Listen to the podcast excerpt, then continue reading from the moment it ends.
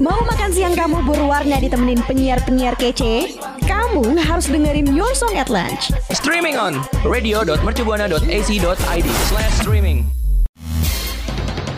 Saatnya YSL, Your Song at Lunch. Radio Mercu Buana, Station for Creative Student. Halo rekan Buana, gimana nih kabarnya? Siang-siang gini Orsong Advance kembali lagi mengudara nih. Bareng gue Anggi, yang pastinya gue gak sendirian nih, karena gue bakal ditemenin sama partner siaran gue, yaitu ada siapa? Ada Sandra, dan pastinya kita nih di Orsong Lunch bakal nemenin rekan Buana yang mungkin lagi beraktivitas luar rumah atau yang lagi bosan di rumah aja. Eh, tapi sebelum masuk pembahasan, gue mau ngingetin buat rekan Buana jangan lupa follow Twitter dan Instagram kita di @radiomercubuana, juga Facebook Radio Mercu Buana. Dan juga buat rekan Buana yang mau dengerin siaran kita atau program siaran lainnya, bisa banget kunjungin kita di Spotify di Radio Mercu Buana. So, buat rekan Buana, stay tune terus ya. Radio Mercubuana Station for Creative Students. Ya ampun Gi, barusan tuh gue liat kalender dan lihat kalau misalkan hari ini tuh udah memasuki hari puasa yang ke-24 dan tandanya 6 hari lagi tuh kita bakal menuju hari kemenangan yang biasa kita sebut tuh hari raya Idul Fitri. Seneng gak sih? Mm, betul banget, seneng banget. Apalagi kayak udah nggak kerasa, udah 24 aja. Berarti nih, gue udah baca Quran udah sampai juz ke-24 gitu kan. Ada istilah one day one juz ya, San ya? Hmm, bener, bener banget. Nah kalau bisa sekalian dihatam sih ya Gi sebelum lebaran. Uh, uh, betul banget. Terus juga karena bentar lagi Lebaran nih, ini ada beberapa hal yang paling ditunggu-tunggu nih. Kayak contohnya pas Lebaran tuh badan kita tuh udah pasti bakal jadi lebaran tuh. Karena mulut tuh nggak bakal berhenti ngunyah makanan-makanan pas Lebaran tuh. Bener nggak sih kan? Bener, apalagi kayaknya tuh kalau lebaran tuh identik dengan makanan yang berbau santan nih. Udah pasti ya udahlah. Mm-mm, betul banget. Apa santan, terus biasanya itu ada opor ayam ya, terus lontong. Eh, Hmm, iya bener banget. terus juga pas terus juga pas lebaran tuh biasanya tuh ada muncul bidadari bidadari komplek tuh yang nggak pernah muncul pas lagi main tiba-tiba pas lebaran tuh beh charming swimming glowing pokoknya semuanya ada tuh situ Tapi selain cewek-cewek yang cakep, emang gak kalah juga nih cowok-cowok juga banyak dia yang cakep-cakep baru pada nongol tuh pas lagi sholat kan. Kemarin-kemarin emang pada nggak muncul, nggak kelihatan gitu. Iya emang biasanya sih gue keluarnya pas lebaran aja sih jadi ya sorry aja ya Oh ya maaf maksudnya bukan lu tinggi maksudnya tetangga gua itu mas. oh bukan ya iya iya Tapi ngomongin soal lebaran juga nih, ada sesuatu yang paling gue suka juga sih sebenarnya itu THR yang paling gue tunggu-tunggu. Ya karena kan kita gitu kan butuh duit gitu kan setiap hari dan ini tuh emang momen yang paling ditunggu-tunggu gitu. Gue sebenarnya mau paling ngarepin tuh uang ini aja sebenarnya sih. Hmm, setuju. Tapi ini kalau ngomongin THR selalu ada konspirasi nih yang menghantui pikiran gua. Yang pertama, kenapa pas kita kecil tuh duit THR-nya lebih gede daripada waktu kita udah gede gitu? Malah duitnya malah jadi kecil gitu. Kenapa tuh? Iya bener juga ya, gue juga sempat bertanya-tanya tuh soal itu. Kenapa ya orang jadi lebih apa ya ngasihnya tuh tipis, tiba-tiba tuh cuma receh doang. Iya, padahal kan kebutuhannya waktu kita lebih gede malah lebih besar gitu kan, San. Coba deh bandingin pas kita kecil Gi, malah banyak. Tapi nyatanya uangnya nggak tahu deh tuh lari ke kantong siapa. Betul banget. Pastinya di kantong ibu kita terus juga buat bikin takjil tuh, ya nggak sih? Oh iya bener banget tuh, bener bener bener bener. Iya tak ngomongin takjil nih ya, sebenarnya kan pasti kan selama kita puasa nih udah banyak banget ya makanan atau minuman yang biasa kita makan gitu sehari-hari kalau buka puasa. Nah ada nggak sih takjil favorit yang eh, lu suka gitu dan ini tuh pasti makanan atau minumannya tuh nggak boleh banget absen di setiap tahun gimana? Ada nggak? Hmm, betul banget. Pasti rekan Buana sama kita nih sana pasti punya menu favorit berbuka atau takjil yang paling apa yang paling kita tunggu-tunggu gitu. ya. Kalau dari gua sih yang pastinya tuh ada es timun suri. Itu tuh kalau ibu gua bikin ya, ada timun suri terus dicampur sirup sirup jeruk tuh rasanya kayak beh kayak masuk surga gua rasanya. Hmm, kayak langsung segar gitu ya. Kalau lu sendiri ada nggak tuh San? Ada. Apa tuh? Kalau misalkan gue sendiri itu yang wajib banget itu lontong udah pasti banget sama es buah. Nah es buahnya ini campurannya tuh es kelapa, terus buah-buahan sama nata de coco itu udah ya ampun itu kayak tenggorokan gue tuh langsung kayak disiram air seember kayak seger banget. Aduh nih kalau mau ngomongin takjil terus ini gue jadi kayak lapar gitu. Apa gue sekarang buka sekarang kali ya San ya? Oh eh, boleh sih tapi tanggung dosanya aja Gi. Enggak dong. よ。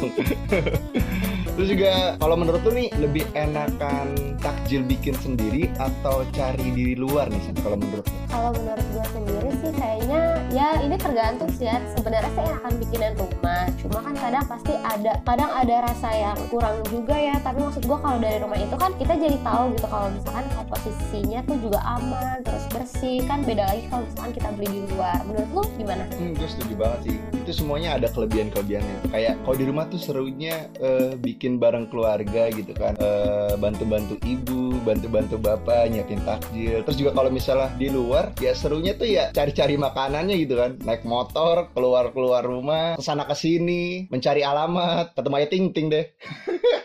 Ayo ting ting nggak tuh. Nah kalau misalkan rekan buana sendiri tuh ada nggak sih takjil yang favorit dan biasanya tuh rekan buana lebih suka sama takjil bikinan rumah atau takjil beli di luar pas ngabuburit. Boleh dong sharing ke kita di @radiomercubuana. Jangan lupa hashtagnya apa Gi? Dengan hashtag YSL. Radio Mercubuana Station for Creative Students. Nah, San dan rekan Buana, tadi kan kita udah ngebahas nih soal di Indonesia kan kalau ngomongin takjil tuh pasti kalau nggak bikin sama keluarga, ya pasti ya ngabuburit keluar rumah gitu kan. Tapi lo sama rekan Buana nih penasaran gak sih kalau misalnya di luar negeri tuh kira-kira kayak gimana ya?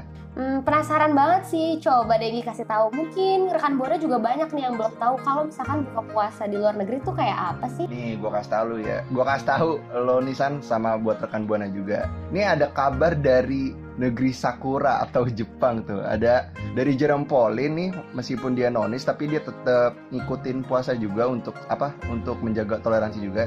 Jadi Jerome Pauline ini bikin takjil untuk buka puasa di Jepang. Jadi menu makanan yang disajikan tuh untuk berbuka puasa sangat beragam ya. Mulai dari urap, ayam rendang, tamagoyaki, bakso yang lengkap dengan takjil berupa gorengan, ondo ende, sampai juga es buah tuh San. Waduh, ini kelihatannya emang enak banget ya. Nah, dalam polin ini kayak ditantang gitu ya untuk membuat urap dan es es buah gitu. Nah, sebenarnya mudah banget sih ya kalau misalkan Jerome tuh membuat urap karena kan kalau misalkan buat urap tuh bahannya ya sayuran, rebus sama kelapa parut gitu kan. Nah, itu juga udah disediain. Jadi Jerome itu cuma mencampurkan keduanya dalam satu wadah. Hmm, gue juga udah lihat tuh apa waktu gue lihat videonya nih kayak Jerome Pauline tuh apa ya kayak tamu yang ikut tim hore aja gitu kan. Jadi makanannya udah disiapin dia cukup nyampur nyampurin aja gitu. Jadi ya nggak begitu kesulitan lah ya. Hmm, tapi selain itu juga walaupun dia gampang gitu apa atau lebih mudah bikin sayur-sayurannya gitu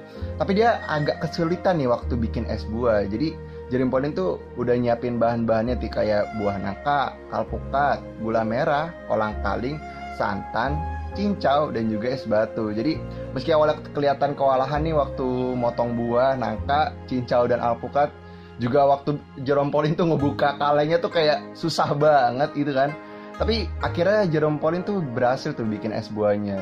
Di Jepang waktu buka puasa juga jam 18.13 akhirnya mereka buka puasa tuh pakai es buahnya juga. Terus juga momen buka puasa Jerome ini bersama keluarga di Jepang itu menarik perhatian para netizen nih. Bahkan banyak netizen tuh yang bilang yang minta Jerome buat kolab- kolaborasi sama youtuber-youtuber lainnya di momen buka puasa gitu san. Nah, iya ini pas banget ya pengen gue bahas. Emang sebenarnya tuh kayaknya Jerome Pauline tuh ahlinya di bidang matematika ya, tapi kalau udah berkecimpung sama dunia masak tuh kayaknya dia emang agak kewalahan gitu. Tapi kalau misalkan dilihat dari aktivitas gitu ya, dari cara Jerome Pauline ini eh, buka apa mengadakan eh, buat bikin takjil, buka puasa gitu di Jepang ini kayaknya emang seru banget sih ya, karena kan pasti berbeda gitu kan. Hmm, setuju banget. Tapi ini gue penasaran nih. Gue lagi nunggu-nungguin videonya Jerome Pauline yang kapan nih sama Waseda Boys bikin takjil bareng gitu kan. Ini kan udah sama keluarga Jepang yang ada di Jepang. Sekarang gue nunggu nih sama Waseda Boys tuh sama si siapa tuh Tomo, Tomo kalau salah tuh ya. Kayak seru banget tuh kayaknya. Iya makanya nih kayaknya emang kalau misalkan ini nih emang paling ditunggu-tunggu banget ya kalau misalkan udah kontennya Jerome Pauline tuh udah seru terus ada aja gitu fannya. Hmm, seru banget kayak kalau misalnya nontonin dia tuh nggak berhenti berhentinya ngomongin mantap pu jiwa bisa gitu tuh ya nggak sih San? Ya terus juga rekan buana nih apa sampai-sampai tuh di netizen tuh biasa lah ya kalau misalnya udah ada Jerome Pauline tuh nggak berhenti berhentinya pengen nge-tweet apa nge-tweet-tweetan gitu kan. Jadi kata netizen nih sumpah sedang banget lihat video buka puasa di negara-negara lain kayak seru aja gitu dan bisa nambah pengetahuan aja sih menurut aku kata netizen sih gitu san Iya karena karena emang benar sih ya kalau misalkan kita gitu kan. Kita kan kalau misalkan di sini ya mungkin belum nggak semua orang bisa berkesempatan gitu ya pergi ke luar negeri. Tapi kalau ada kontennya Jerome Pauline tuh berasa kita tuh bisa ngerasain kalau kita tuh juga ada di situ ya nggak sih? Mm-mm, setuju banget. Kayak nih waktu gue nonton aja tuh gue berasa kayak lagi di Jepang gitu lagi ketemu Doraemon ketemu Nobita gitu kan ya.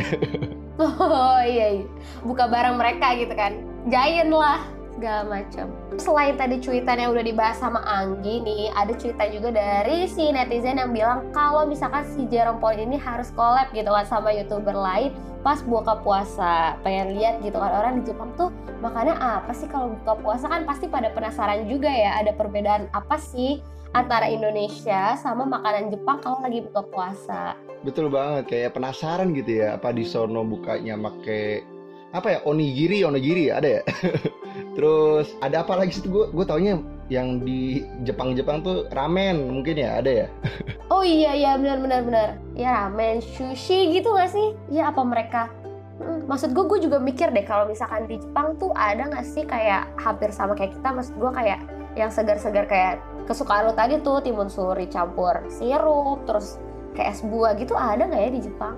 Hmm, atau enggak ada nggak tuh di Jepang kayak eh, menu berbuka puasa tuh kayak pete atau jengkol tuh penasaran tuh gue kali aja ada kan ya San ya Oh iya itu ya iya kali aja sih ada sih cuma itu lebih ke lebih ke susah sih ya kemungkinannya sih nggak ada malah. Iya, terus juga sebelumnya juga Jerome juga membuat konten nih yang menantang teman-temannya di Jepang untuk berpuasa juga nih. Sebagian temannya mengatakan kalau berpuasa bukanlah hal yang mudah. Emang ya namanya buka apa puasa tuh emang ya agak sulit gitu ya menahan lapar dari subuh sampai maghrib. Apalagi kalau di Jepang tuh kita nggak tahu ya waktunya tuh ap- apakah bisa lebih lama mungkin ya. Jadi kayak mungkin lebih berat gitu ya San ya.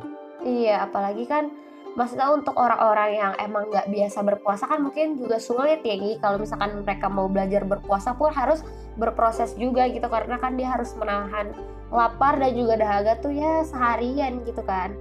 Hmm, setuju banget. Nah, rekan Buana ada nggak nih cerita-cerita menarik pas lagi puasa atau mungkin ada takjil yang yang paling favorit atau unik gitu kayak kayak Jerem Pauline gitu bikin di Jepang kewalahan juga bisa share ceritanya rekan Buana di Twitter kita di mana San? Di Twitter kita di @radiomercubuana dan jangan lupa dengan hashtagnya YSL.